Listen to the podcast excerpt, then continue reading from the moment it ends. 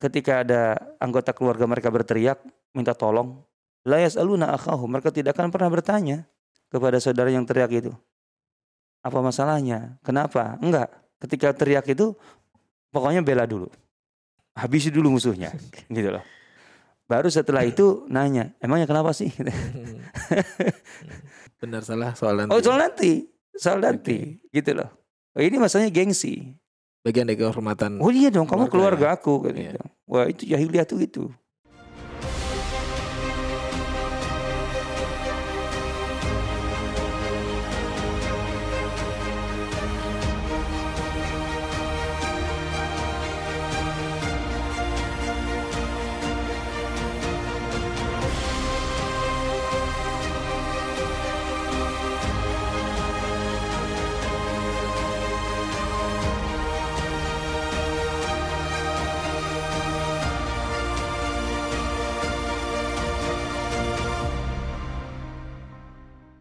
Assalamualaikum warahmatullahi wabarakatuh.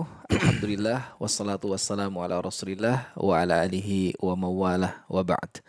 Alhamdulillah senang sekali saya Umar El Rozi bisa kembali menyapa sobat Siroh masih di channel Siroh TV. Kita akan kembali belajar seputar Siroh Nabawiyah dan sejarah peradaban Islam. Dan kita masih akan kembali belajar di eh, peristiwa-peristiwa yang berdekatan langsung dengan Rasulullah khususnya kalau kita sebelumnya telah belajar bagaimana peran Bani Sa'ad dalam kepribadian Rasulullah ya di masa kecilnya kita masih coba akan menggali lagi ada satu peristiwa yang kalau kita baca buku Sirah Nabawiyah eh, nampaknya semua buku Sirah Nabawiyah menghadirkan eh, peristiwa ini sebelum kenabian ya. Jadi ada perang Fijar dan juga ada istilah hilful fudul. Kita penasaran tuh seperti apa peristiwanya dan apa pengaruhnya bagi Rasulullah Shallallahu Alaihi Wasallam karena itu peristiwa terjadi sebelum kenabian.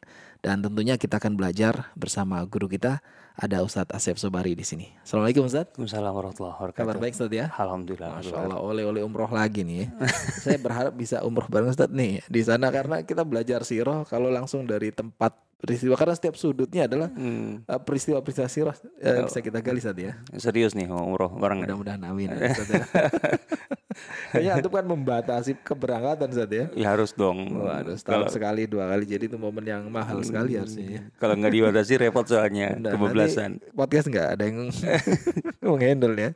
Ya, Ustadz, eh, kembali ke tadi yang saya eh, bridging di awal ya bahwa di buku-buku Sirah Nabawiyah eh Syekh Mubarak Furi, kemudian Abu Bakar Al Jazairi dan si Sahih Sirah Nabawiyah itu semua menampilkan satu peristiwa eh, tentang peperangan ya sebelum Sebelum Islam. diutus eh, Rasulullah diutus sebagai Iya. nabi ya. Hmm, Seberapa penting kenapa ini menjadi eh, ditampilkan dalam banyak buku Ustaz? hmm. Perang Fijar dan Hilful Fuldur gitu ya. Ya, bismillah. Salatu wassalamu ala rasulillah wa ala alihi wa sahbihi wa ala. Saya rasa semua buku sirah mengangkat itu. Hmm. Hilful Fudul. Eh, fir- perang Fijar dulu ya. Hmm. Perang Fijar. Kemudian Hilful Fudul. Mhm. Eh, tentu kita tahu bahwa eh, peristiwa-peristiwa pada periode Mekah itu kan nggak banyak sebenarnya kalau kita baca buku-buku sirah itu. Mhm. Artinya dari 40 tahun Ya. eh, masa hidup Rasulullah SAW kan yang terungkap sedikit. Ya. Hmm. Padahal Dat- 40 tahun. Data segitu masih sedikit Ustaz. Sedikit Kita kalau dong. baca kayaknya capek Ustaz. Sedikit. Banyak banget, tebel banget. Itu masih sedikit. di ya? buku-buku sirah yang umumnya itu sedikit Oke. lah. Kecuali di buku-buku yang memang dia tidak populer lah gitu. Hmm. Artinya mm, yang luas lah. Hmm. Ada sih buku, buku selain buku judulnya buku sirah nabawiyah gitu yang pada Iya. umumnya eh, itu ada yang lebih panjang. Hmm. Tapi sedikit ya. Nah, dari yang sedikit itu ada peristiwa-peristiwa yang kata alam di semua buku sirah ditampilkan, Hmm. ya, termasuk ini perang Fijar dan. Hilful Fudul gitu. Hmm. Yang jelas dari sisi eh, waktunya dulu gitu. Peristiwa Hmm. ini terjadi di saat Rasulullah SAW berusia sekitar 15-an tahun. Masih benar-benar pemuda ya. Ya, remaja, dong. Iya, remaja. Kalau iya. itu 15 tahun ya kan berarti tamat SMP kan. Hmm. Hmm. Kalau kita sekarang tamat SMP. Iya. Ini versi yang masyhur lah. Sebenarnya ada dua versi sih. Ada yang ya, kalau Ibnu Sa'ad sih mengangkatnya 20 tahun atau 21 tahun. Tapi saya cenderung mengambil versi yang 15 tahun gitu loh. Hmm. Eh, bahwa ini memang terjadi di saat Rasulullah SAW masih sangat-sangat belia, sangat Hmm. muda. ada satu apa namanya uh, teks riwayat yang menguatkan itu kuntu Hmm. unabbilu ala amami. Jadi di, di sini Rasulullah SAW diposisikan kayak lebih ke asisten gitu loh dalam perang. Gitu. Oh, Rasulullah terlibat langsung saat. Ya ada dong unabil uh, Hmm. ngumpulin apa namanya uh, ya panah-panah. Panah. Hmm. uh, jadi ngumpulin gitu loh, Hmm. menyediakan. Hmm. Walaupun ada riwayat lain ya, aku juga warmi biha gitu. Jadi eh tapi kan tidak kelihatan tidak full Rasulullah SAW Hmm. berperan sebagai eh, apa namanya eh, prajurit gitu loh. Nah, Selain tapi mungkin juga karena usia kali ya. ya makanya Standarnya itu di usia 15-an kan. iya kan belum ya? masih masih permulaan kan Hmm, biasanya umumnya 15 tahun baru Hmm. terlibat gitu. Jadi kalau 21 tahun kan sudah sudah Hmm. menjadi pemuda yang eh, kuat sekali gitu. Artinya bisa berperan bisa lebih besar. Hmm, hmm. Alhamdulillah kita ambil salah satu versi lah Ya. ya bahwa itu eh, bahwa kejadian ini perang Fijar ataupun Hilul Fudul di usia Rasulullah SAW sekitar 15-an tahun. Eh berarti beliau masih sangat belia, sangat remaja gitu ya. Eh, kemudian tentu saja di masa itu tokoh-tokoh senior Hmm. yang besar-besar pada masa itu masih hidup gitu loh, masih ada gitu. Hmm. Siapa aja yang sangat berpengaruh di, di Mekah gitu ya. Yang kemudian ya kurang lebih tokoh-tokoh ini di apa namanya awal masa dakwah Rasulullah SAW sebagian bahkan masih ada gitu loh. Hmm. Eh, ya Dalam barisan nantinya penentang dakwah atau bahkan pendukung. penentang, penentang lah ya? semuanya gitu loh kan. Ah, Hmm. Sementara yang lebih seniornya lagi banyak kan eh, sudah meninggal. Ya, jadi nama-nama besar seperti Abdullah bin Judan gitu kan. Ah, kemudian ya kakek Rasulullah SAW masih hidup kan? Eh so- sorry sudah meninggal kalau kakek Rasulullah SAW. Pas sudah ada waktu itu tokoh besarnya paling besarnya dari Bani Hashim itu Zubair, bin Zubair. eh, Abdul Abdul Muttalib Muttalib. gitu ya. Tapi eh Abdullah bin Judan tentunya itu masih ada di situ. Kemudian eh siapa lagi yang yang sangat-sangat senior gitu ya.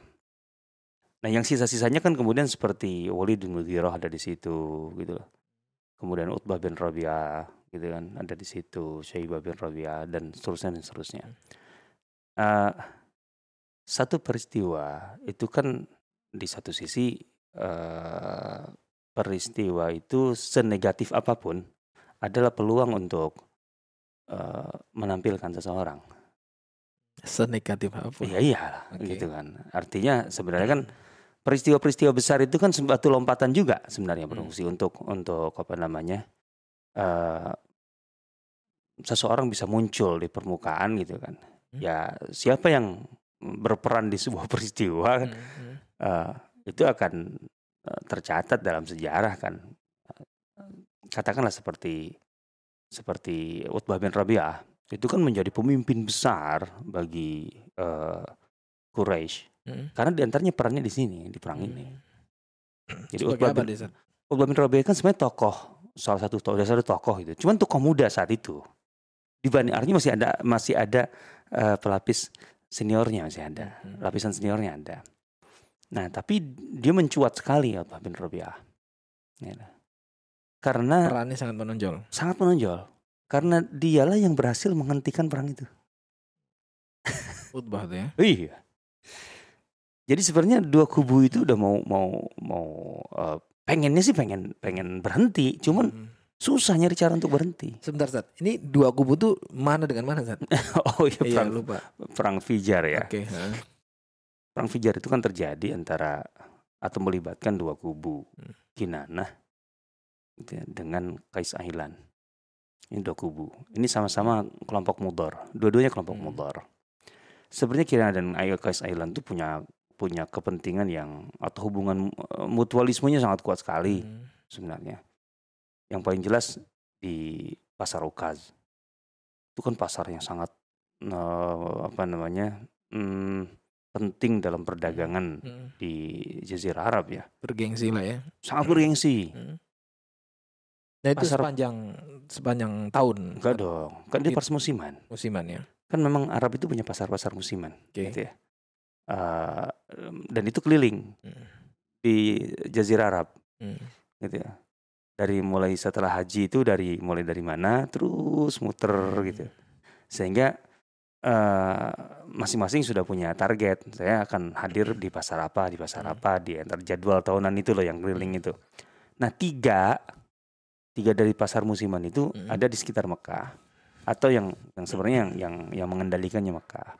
Tiga itu Hmm. di dua bulan, yaitu bulan Zulqa'dah dan bulan Zulhijjah. Karena terkait dengan haji juga sekaligus, gitu ya. Jadi memanfaatkan haji juga, pasar juga sekalian. Pasar Ukaz itu yang paling terkenal. Eh, itu 20 hari di bulan Zulqa'dah tanggal 1 sampai tanggal 20. Kemudian eh, berikutnya Dzul Maj- eh, Majannah. Majannah itu udah masuk di Mekah. Kalau sekarang itu di wilayah Jamum. Mekah itu. Hmm. Nah, itu dia. Kemarin waktu umroh lewat Jamum. Masih ada pasar juga di sana. Enggak lah, ya pasar sekarang pasar biasa. Maksudnya wilayah Jamum itu wilayah checkpoint lah Mekah gitu loh. Hmm. Ya gerbangnya Mekah sih ya. Keluar masuk Mekah Jamum dari ke situ. Em, itu hampir lah lebih kurang 9 atau 10 hari dari tanggal 21 Zulqa'dah sampai akhir Zulqa'dah. Satu Zulhijjah itu pindah ke dekat Mina karena orang udah mau ke Mina kan, mau Hmm. tarwiyah Hmm. itu Dzulmajaz. Jadi ada totalnya berarti kan sepanjang sampai sampai sebelum tarwiyah saja itu ada sekitar satu bulan delapan hari gitu loh pasar itu itu mm, berlanjut itu berlanjut satu bulan delapan hari itu dan itu semua sekitar Mekah. Nah eh, disebutkan begini Said Al Afghani dalam kitabnya Aswaqul Arab bahwa para pedagang besar itu bisa melewatkan musim dagang di mana pun. Artinya dari dari jadwal-jadwal tadi, gitu ya. Ada yang bisa dilewatkan lah. Pasar ini saya enggak, pasar Hmm. ini saya enggak. Tapi tidak mungkin mereka melewatkan ukas. Hmm. Kalau ukas itu rugi bagi pedagang untuk dilewatkan. Transaksinya paling Transaksinya besar luar ya. biasa, sangat besar, gitu, sangat besar. Sampai istilahnya raja-raja pun Hmm. raja-raja pun, Raja Hira, Hmm. Manadhira, gitu. raja-raja Gosan, itu berdagang. Hmm. Ada orang-orang yang dia dia kirim gitu loh untuk ke UKAS itu. Jadi Karena kalau itu di UKAS juga sering ada festival gitu saat ya ya. memang itu pasar bukan pasar komersil doang, pasar, Hmm. pasar komersil dan festival. Hmm. Ya karena ada eh, apa namanya katakanlah kompetisi untuk Hmm. eh, eh, para para budaya budayawan penyair-penyair itu mengubah puisi-puisi terbaru tuh di situ. Hmm. yang kemudian nanti akan akan mengangkat nama mereka gitu loh.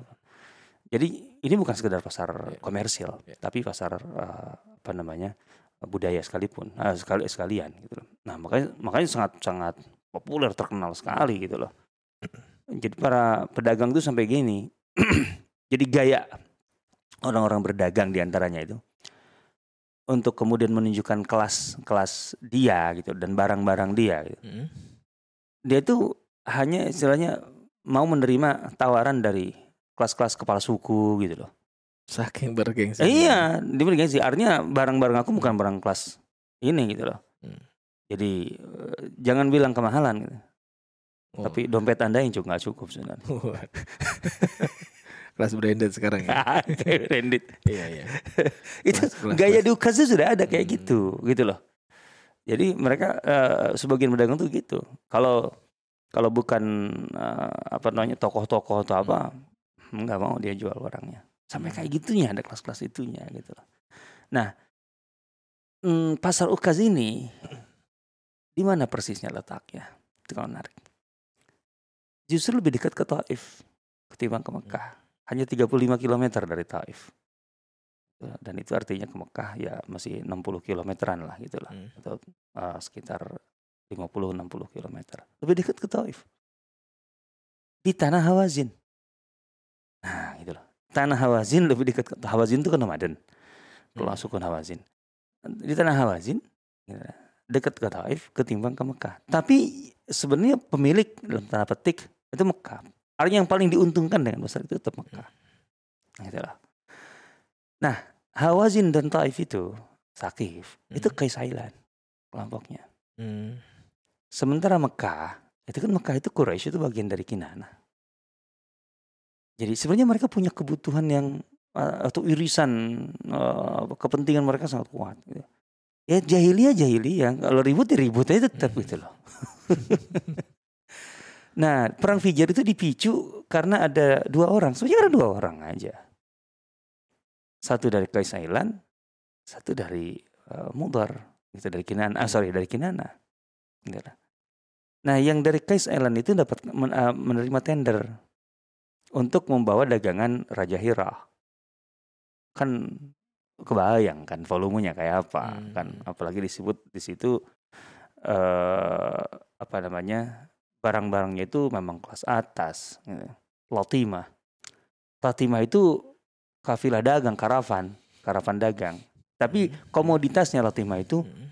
eh katakanlah garment ya garment kelas atas gitu, branded lah kalau kita Hmm. dan parfum.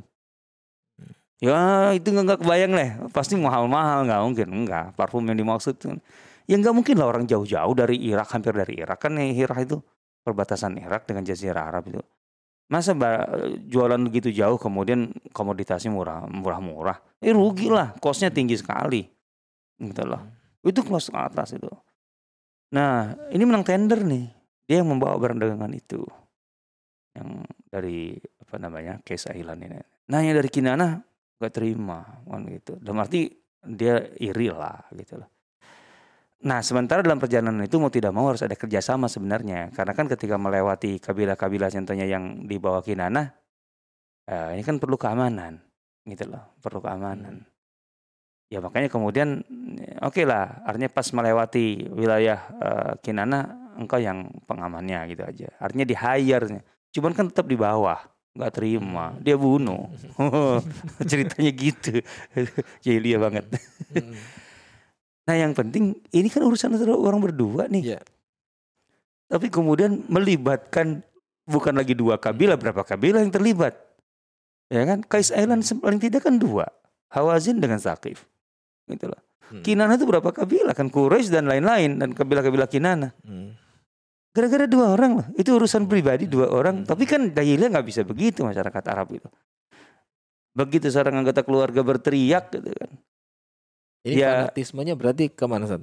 Suku banget. oh jelas dong itu asobia Hmm. kesukuan kan fanatisme kesukuan Hmm. ya langsung nggak bisa terima gitu kan Hmm. kan la yas'aluna akhahum fima yandubuhum uh, finna ibati ala ma qala burhana kata mereka kan ketika ada anggota keluarga mereka berteriak minta tolong la yas'aluna akhahum mereka tidak akan pernah bertanya kepada saudara yang teriak itu. Gitu. apa masalahnya? Kenapa? Enggak. Ketika teriak itu pokoknya bela dulu. Habisi dulu musuhnya. Gitu loh. Baru setelah itu nanya emangnya kenapa sih? Benar salah soal nanti. oh soal nanti. Soal nanti. Gitu loh. Oh, ini masalahnya gengsi Bagian dari kehormatan. oh iya dong kamu Keluarga keluarga aku kan Iya. gitu. wah itu jahiliyah tuh gitu dalam hal ini Hmm. makanya masalahnya apa entar gitu loh. yang penting ini saudaraku Oh, ini eh, pertaruhannya adalah gengsi keluarga Hmm. itu perang Fijar itu itu Oke. apa dampak dari perang Fijar itu Ukaz tutup Hmm. Satu masa itu. Eh, iya, satu musim itu ya. Hmm. Ukas Majana Majaz tutup lah. Dan bet, kerugiannya nggak kebayang. Kan ada yang memang menyiapkan apa kalau udah investasi lah kan itu untuk untuk Ukas ini kan mereka investasi. Hmm.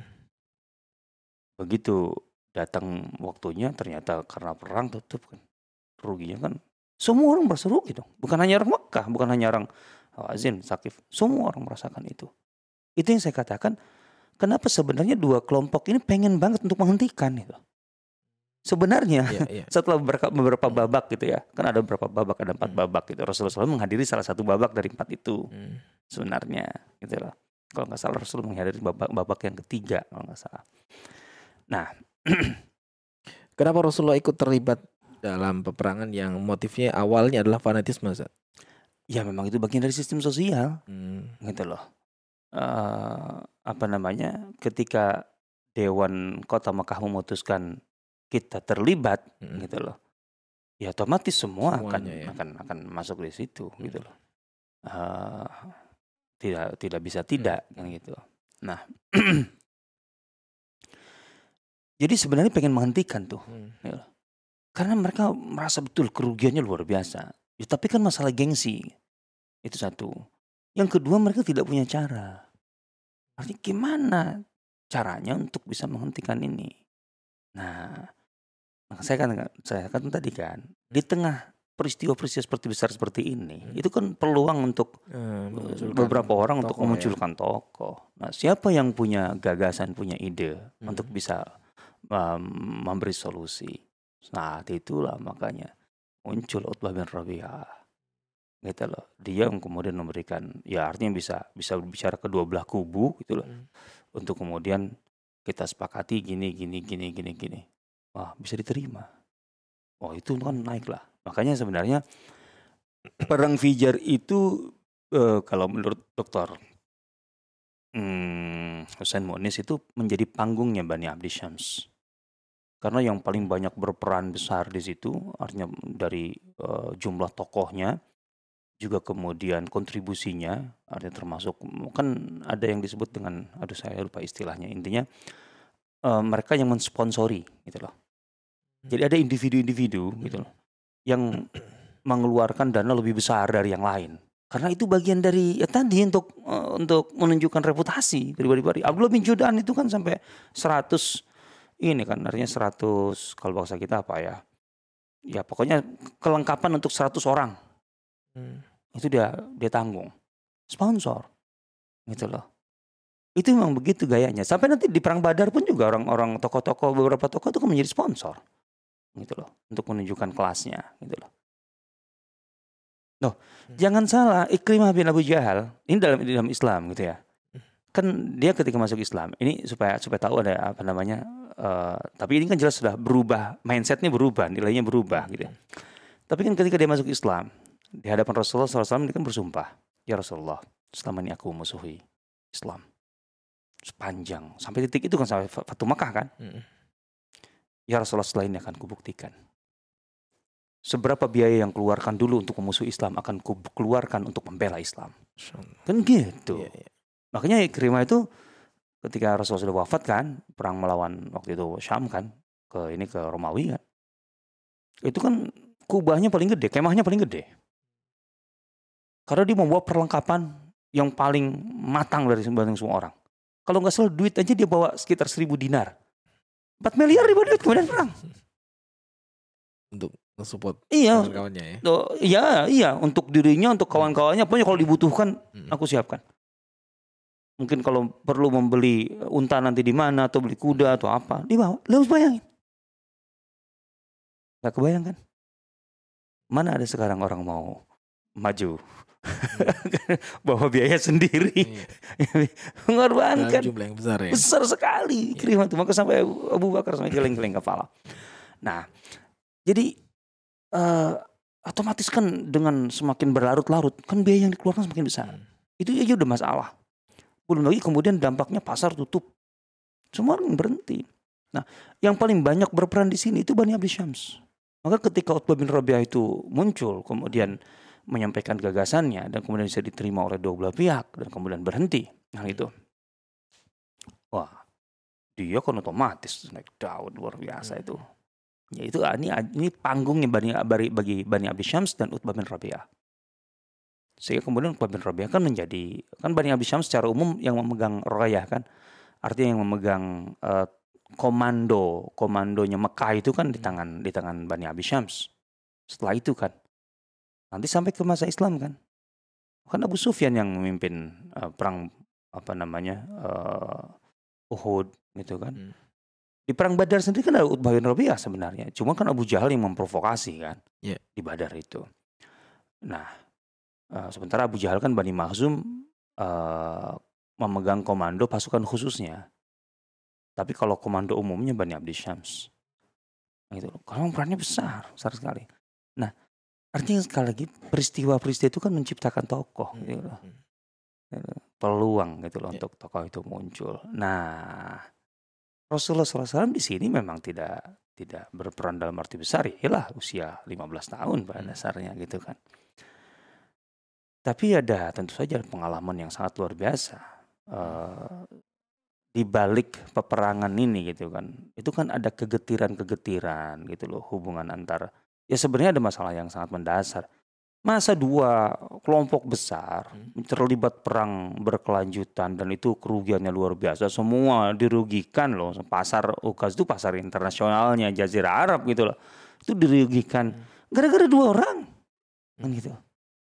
Ya Sobiah ini kan masalah besar gitu loh. Gitu loh. Dan kemudian eh gak ada yang diuntungkan sebenarnya kan Hmm. dari situ. Selain gengsi aja gitu loh. Selain geng- gengsi masing-masing atau gengsi Tidak ada pihak yang disebut menang dari pihak yang lain. Ustaz. Ap- apanya menang coba di sini sebenarnya? Hmm. Itu. Apa menang kalau menang kok menang apa cuman? Paling kan cuma Ya, gengsi. ya, Kan gengsi. kerugiannya kan sebenarnya besar sebenarnya. Mensponsori perang aja kan sudah kerugian mm, pribadinya besar itu. Nah, sehingga muncul sensitivitas yang sangat tinggi di tengah masyarakat Makkah terkait dengan segala bentuk eh, katakanlah eh, tindak kejahatan atau Hmm. kezaliman gitu ya individual yang kemudian eh, bisa memicu eh, apa namanya chaos Hmm. gitu ya ada sensitivitas yang tinggi Hmm. di sini ini Setelah itu juga mereka nggak lagi eh, perang sebagaimana di Nah, di nggak pernah. Madinah tuh ya. Enggak, enggak pernah. Hmm. Quraisy enggak pernah perang setelah itu, gitu loh. Dalam arti per- persis seperti itu enggak Iya. pernah. Jadi apa yang dilakukan Utbah Ustaz? Apanya? Bikin perjanjian seperti apa? Ya intinya ngambil win-win solution, Hmm. gitu loh. Eh, solusi yang bisa, eh artinya eh, ujung-ujungnya berapa jumlah eh, yang korban di antara kalian, Hmm. gitu loh. Hmm. Eh, nanti eh, kami yang ini yang mendebusnya, gitu. Nah, salah satunya Utbah itu Iya, iya, iya, iya. mengeluarkan biaya yang besar. Ya bukan sekedar biaya, idenya dulu. Idenya ya. idenya kemudian itu disepakati oleh semua Hmm. gitu loh Eh, itu intinya nah mm, jadi masing-masing oke lah daripada kita lalu tarut semakin habis gitu loh Hmm. mendingan dengan cara itu nah eh yang jelas sensitivitas masyarakat Quraisy itu tinggi gitu ya terhadap segala bentuk kejahatan Hmm. yang itu bisa mendorong eh kekacauan gitu loh sensitivitas tinggi Hmm. resistensinya tinggi nih gitu loh nah sehingga itu yang kemudian kita baca bahwa antara perang Fijar dengan Hilful Fudul itu berdekatan Pendekatannya. Iya. gitu loh. karena Hilful Fudul itu eh, terjadi akibat dari eh, resistensi ini gitu loh karena sensitif sekali masyarakat terkait dengan itu. Kan Hilful Fudul. Hilf itu kan aliansi persekutuan sebenarnya. Satu atau membentuk satu persekutuan atau eh, ya aliansi lah sekarang juga. Eh, yang didorong karena ada satu peristiwa yang tidak bisa diatasi oleh perorangan. Artinya efeknya bisa luas. Eh, dampaknya luas. Maka kemudian dihadapinya dengan persekutuan dengan aliansi Padahal peristiwanya juga perorangan. Ustaz. perorangan gitu loh perorangan gitu. itu kan dimulai dari dari eh, adanya kembali kejahatan gitu Hmm. dan ini melibatkan seorang tokoh memang masalahnya Al As bin. Wa'il As-Sahmi Al As bin Hmm. Wa'il itu tokoh sangat eh, dia sendiri Hmm. senior dan sangat karismatik Hmm. karismatik Secara kabilah juga. loh Bani Saham Hmm. Bani Saham itu itu berada di top itu bersama Bani apa namanya Makhzum, Bani Abdi Syams, Bani Saham, Bani Jumah, Hmm. Bani Hashim itu topnya. Secara pribadi dia sangat karismatik. Secara pribadi gitu. Sebelum kita bicara Bani Sahamnya gitu. Iya. Bisa kita baca dari peristiwa Umar masuk Islam. Kalau ingin tahu betapa kuat karisma dari seorang Hmm. Al-As bin Wa'il Sahmi. Saat Umar dikeroyok ya. Nah, itu Iya. dia. Kalau kita baca peran Hmm. dalam sirah itu. Kan setelah Umar masuk Islam kan diumumkan kan. Hmm. Kalau lain sembunyi-sembunyi Umar kan ngumumin. Wah itu kan mancing kemarahan orang satu kota. Iya. Umar dikeroyok kan, buak buk buak buk buak buk gitu. Nah sampai Umar kemudian masuk rumah kan, udah capek kan. Nah kemudian datang lagi tuh, lebih banyak lagi gitu kan. Mau berurusan. Nah Al-As bin Wa'il ada gitu. nah, Atau dekat dengan situ. Kan dia menghalang. Ini menceritakan Abdullah bin Umar. Waktu itu usianya mungkin sekitar 4-5 tahun. Sampai Oh, Abdullah, jadi- Abdullah bin Umar ini sendiri kaget gitu kan. Artinya sampai berkesan banget gitu. Hmm. Kan setelah besar nanti di Madinah kan nanya ayahnya, ayah dulu tuh siapa sih itu? Hmm. Nggak nggak kenal nama. Dia nggak tapi kenal nama, ya. iya karena memang masih kecil, masih kecil. Dan mungkin juga karena siang-siang panas kan ditutup apa Hmm. kepalanya. Siapa itu orang yang ketika anak-anak muda Quraisy datang mau mengeroyokmu itu, Hmm. nyantroi rumah gitu. Hmm. Kemudian dia bentak sekali. "Ah, Mau ngapain kalian kan gitu kan. Ini Umar telah murtad, maksudnya murtad dari dari Agama sebelumnya. eh, dari agama pagan gitu. Hmm. Emangnya kenapa? Apa masalahnya? Dia memilih pilihannya sendiri. Apa urusan kalian? Digituin bubar. Dibentak sekali bubar orang sebanyak itu. Itu kan Abdullah bin Umar yang sampai terkesan betul. Wah, Harismanya kuat banget itu. Jadi itu Al-As bin Wa'il, ayahnya Amr bin As kan. Hmm. Itu memang sangat karismatik. gitu loh. Nah, jadi dia sendiri punya aura itu. Nah, apalagi kemudian dia dari Bani Saham kan. Bani Saham itu sendiri termasuk topnya bangsawannya Quraisy. Apalagi kemudian Bani Saham ini eh, tergabung dalam sebuah aliansi dengan Bani Makhzum, dengan Bani Abdiddar gitu. Itu mereka tergabung sebuah aliansi. Sebelum ada Hilful Fudul Ustaz. Iya, belum iya otomatis Hilful Fudul itu kan karena adanya aliansi, Aliansi ini. Artinya kalaupun eh, orang-orang waktu itu mau berurusan secara pribadi dengan Amru eh, dengan Awas bin Wa'il Sahmi itu nggak nggak bisa kemudian menghindarkan apa namanya aliansi itu mengabaikan aliansi Hmm. itu. Artinya dia akan dibela oleh aliansinya. Hmm. Abu Jahal dan kawan-kawan pasti akan berada di pihaknya. Hmm. Sehingga kemudian mereka yang eh, apa namanya tergerak hatinya, wah ini nggak bisa dibiarkan ini.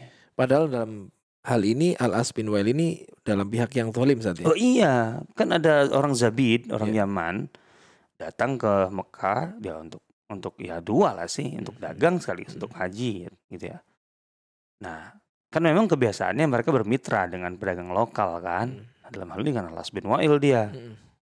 Eh kemudian Las bin Wa'il mangkir kan nggak mau nggak mau bagi Iya. hasil gitu loh. Ya istilahnya bagi hasilnya nggak mau lah gitu. Oh dia kan wah, habis lah orang dari Yaman dagang situ di. Hmm.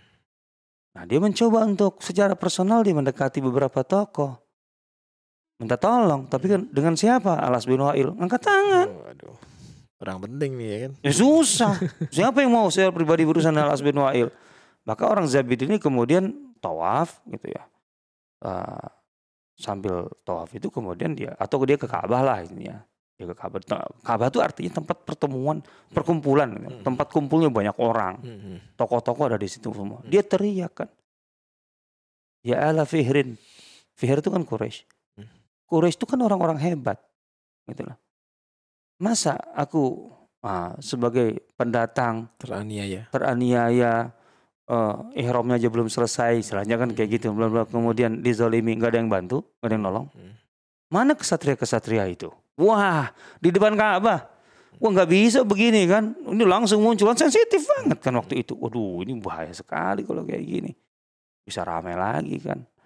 Nah di situlah kemudian Zubair bin Abdul Muttalib itu kan tokoh nomor satunya dari Bani Hashim menggantikan Abdul Muttalib.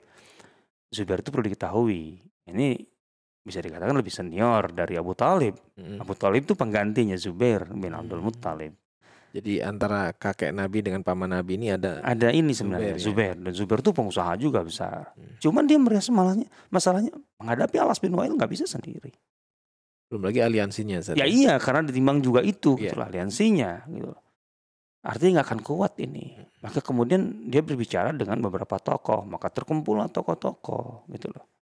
Artinya dari Bani Hashim ada Zubair, kemudian ada dari Bani Taim waktu itu Abdullah bin Judaan. Nah, Abdullah bin Judaan itu kan senior banget, banget banget gitu loh. Bahkan kumpulnya kan di rumah Abdullah bin Judaan kan Hmm. pertemuannya. Eh, karena itu ada ada hadis Rasulullah SAW diapresiasi sama Bunda Aisyah ya.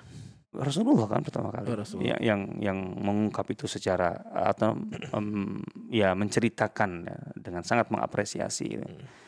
Eh, syahidu eh, bidari Abdullah bin Judan Hilfan jadi di rumah Abdul bin Judan karena paling senior kan di antara semua orang itu nah tokoh-tokoh ini kumpul dari beberapa apa namanya Bani Asad gitu karena mereka melihat nggak bisa nggak bisa ini dihadapi eh, perorangan personal maka harus dihadapinya dengan aliansi. Nah, maka terbentuklah aliansi ini gitu. dan kemudian menjadi hilful fudul namanya. Ya, karena dari pertama orang-orangnya adalah orang-orang yang mengusung kemuliaan gitu dari fadl fadilah gitu ya. Dan juga eh, dengan tujuan yang mulia mulia, Mulia, gitu ya. lah ini ya, gitu. Sini bukan lagi eh, karena fanatisme ini Ustaz. Bukan, Apa? ini, ini secara objektif gitu ya. Secara objektif ini lebih kepada mm, apa namanya menangani menangani kejahatan, lebih ke sana. Orang-orang yang teraniaya. Iya, eh, kan kejahatan. Hmm. Pertama itu kejahatan, Hmm. sudah gitu dilakukan di tanah suci lagi, Hmm. gitu loh. Artinya jadi polisinya tanah suci. Oke. Jadi mereka itu tidak akan membiarkan Hmm. eh, bentuk kejahatan apa pun terjadi di tanah suci. Ini artinya nilai yang baru nggak Ustaz? Oh iya otomatis, otomatis. semua, kan? Artinya dorongannya bukan eh, Oke. bukan fana- fanatisme. Makanya Rasulullah SAW mengapresiasi. Setelah keislaman. Iya, setelah otomatis setelah kan Rasul menceritakan. Oh iya. menceritakan setelah belum menjadi rasul kan Hmm. uh, syahidu fi dari Abdullah bin Judan hilfan gitu lau diuti ilaihi fil Islam la ajabt gitu loh. Hmm. kalau aku diundang gitu, untuk menghadiri aliansi pembentukan aliansi seperti itu setelah Islam Hmm. aku akan ikut menyambut Hmm, artinya sebagai bentuk dalam artinya partisipasi kalau bahasa kita parti- partisipasi eh, apa kesepakatan internasional gitu loh Hmm. terkait dengan eh, agenda-agenda yang positif. Kalau sekarang tuh begitu. Hmm. Karena memang eh, secara objektif itu sangat positif. Persoalannya adalah eh, mm, aliansi ini tidak akan membiarkan bentuk kejahatan apa pun terjadi di tanah suci. Hmm. Ini ini sangat membekas bagi Rasulullah SAW. Beliau waktu itu sekitar 15 atau 16 tahun, gitu ya. Kemudian setelah menjadi nabi, Hmm. beliau sampai mengatakan itu. Kalau aku eh, dan aku bangga dengan itu. Hmm. Beliau sampai mengatakan eh mau uhib an anna li bihi humrun na'am. Aku tidak tidak rela istilahnya. Kalaupun harus diganti dengan humrun na'am dengan unta merah. Kendaraan mewah lah ya. Ya, iya, Hmm. ya humrun na'am itu bukan sekedar kendaraan. Hmm. Itu intinya simbol kebanggaan. Jadi Asep. bu- bukan sekedar kendaraan, pokoknya simbol kebanggaan. Hmm. Jadi kalau kalau kendaraan pun itu adalah istilahnya limited edition. Jadi Edition. bukan untuk dinaiki sehari-hari pada dasarnya. Hmm. Ya, Intinya untuk ditaruh di garasi. Jadi dipakainya itu memang bukan untuk itu. Iya. Itu maksudnya. Humrun na'am itu kita harus pahami sebagai sebagai sebuah nilai Hmm. eh, dari dari aset ya. Paling mahal. Eh, eh, jadi bukan masalahnya fungsi. Hmm. Ya kan oke lah punya Range Rover, tapi kan tetap fungsional kan ya biasa aja. Iya. Hmm. Tapi kalau ditaruh Iya. di garasi, dipoles setiap hari kerjaannya gitu sekali-sekali naik hanya untuk eh, nah itu lain kan. Event ya. Nah itu dia. Maksudnya gitu gini, ya. Humrun Na'am tuh begitu. Itu begitu. Ya makanya kan min anfas amwalil Arab disebutkan gitu, Humrun Na'am itu. Jadi lebih kepada nilai asetnya, bukan masalah fungsinya, Fungsinya. sebenarnya. Hmm. Ya kan karena kalau sekedar fungsi, ya eh, orang kaya bisa beli, Hmm. kan pada dasarnya begitu. Hmm. Tapi ketika kemudian ini limited ya, Hmm. dan ini memang untuk eh, tadi eksklusif dan sebagainya, Hmm. jadi ini masalahnya bukan masalah. Ini koleksi gitu loh, Hmm. lebih, lebih ke situ lah, lebih ke koleksi lah gitu lah, ketimbang ke fungsi. Ya gitu. Jadi Humrun Na'am itu Iya. seperti Rasulullah mengatakan itu, aku bang- bangga betul.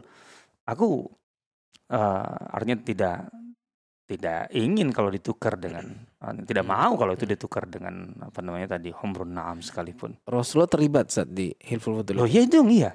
sebagai apa dalam ini? Nah, di sini yang menarik. Helpful Fudul ini kan tadi secara objektif kan sangat bagus sekali Hmm. gitu ya.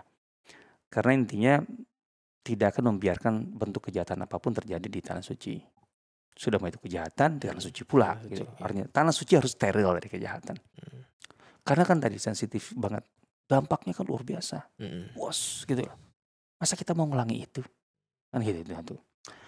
Nah, terus karena terus karena memang ini adalah lebih ke apa namanya? Lebih ke eh apa istilahnya ya? Bukan kepada kasus ya, gitu loh. Jadi bukan sekedar kasus itu. Hmm. Ini kan sampai kapan pun antisipasi, sampai kapan pun mereka akan berperan, gitu loh. Jadi ini sifatnya jangka panjang, long term. Sampai ada ungkapan kesepakatan ini akan terus kita pertahankan aliansi ini Hmm. ma balla bahrun sufa wa marasiyat sabirun wa hira. Selama masih ada satu tetes tersisa di lautan. Dan selama masih segunung Sabir dan Hira berada di tempatnya, nggak bergeser. Ya kan sebenarnya nggak mungkin lah kan. Gimana ceritanya gitu kan. Gitu loh. Hmm. Artinya kan kalau bahasa kita sekarang sampai titik darah penghabisan. Sampai kapan-kapan gitu loh. Nah maka kemudian dari situ mereka tampaknya melihat kalau begitu harus ada kader. Jadi jangan yang senior saja. Hmm. Jadi dari yang senior Abdullah bin Judaan, Zubair bin Abdul Muttalib dan lain-lain sampai yang harus kader kita yang termuda. Maka begitu mereka apa namanya uh, berpikir seperti itu, siapa anak muda yang harus uh, mewakili? Artinya otomatis mereka sudah membaca talenta kan? Hmm. Siapa yang cocok untuk di sini? Yeah. Yang siapa yang bisa diharapkan? Ini yang penting. Ini yang penting sekali. Berarti di usia 15 atau 16 tahun, Rasulullah SAW itu sudah terbaca oleh semua orang. Talentanya di kelas apa? Hmm. Itu yang penting. Anak yatim itu, kan Rasulullah yatim kan? Hmm. Di usia 15 tahun itu dibaca oleh tokoh-tokoh senior bahwa inilah harapan masa depan kita. Jadi Rasulullah itu memang sudah di lingkungan sosial sudah menjadi harapan. Talentanya sudah kebaca. Makanya kemudian ditarik untuk ikut menandatangani bahasa kita. Ikut. Oh iya dong. Oh. Syahid tuh. Bukan hanya sekadar hadir dan. Enggak, lah ngapain hadir di situ dalam arti jadi penonton gitu? Iya. Emang itu acara apa ditonton-tonton? Yang lain cuma nonton. Enggak. Hadir sebagai bagian dari eh, apa namanya? eh, pelaku gitu Iya. loh. Sebagian dari pelaku. Orang memang belum terlibat gitu. Makanya kan kalau kalau nonton doang apa eh, eh, artinya nggak relevan dengan dengan kata-kata beliau. Aku tidak mau ditukar dengan Hmm, iya. dan kalau aku dipanggil lagi Hmm. di masa Islam, aku akan artinya bukan Hadir, nanya dulu. Setelah Islam pun kalau dipanggil untuk urusan seperti ini aku hadir, walaupun dengan non Muslim. Iya. Gitu loh. Itu artinya memang Rasulullah dipanggil untuk itu. Artinya mereka sudah merancang, merancang blueprintnya kayak gimana, yang dibutuhkan orang seperti apa, dan lapisan-lapisannya sampai gitu akhirnya kesimpulannya harus ada anak muda yang eh, artinya bisa akan menjaga estafet ini, kan gitu.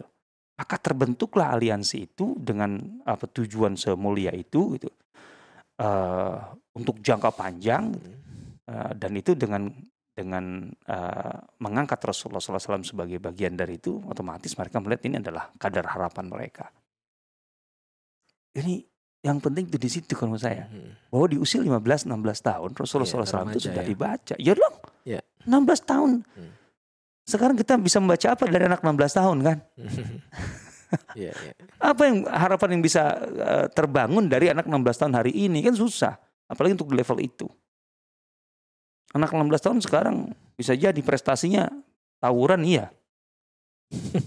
Kalau disebut prestasi. Kalau disebut prestasi, artinya kalau udah tawuran udah nekat. Hmm. Tapi kalau untuk yang positifnya masih eh, minta ongkos ke orang tuanya, masih Ya. Apakah juga ini yang juga mempengaruhi Rasulullah kelak eh, kemudian memilih pemuda-pemuda yang usia juga belasan dengan pengaruh-pengaruh yang Saya besar, rasa itu termasuk bagian dari pengalaman penting bagi beliau ya. termasuk Gitu mengangkat Usamah begitu saja. Oh iya, artinya memang apa kesadaran terhadap pentingnya kaderisasi gitu, merawat cita-cita dengan terus memunculkan talenta-talenta muda. Kan perhatian beliau sangat tinggi sekali, gitu loh.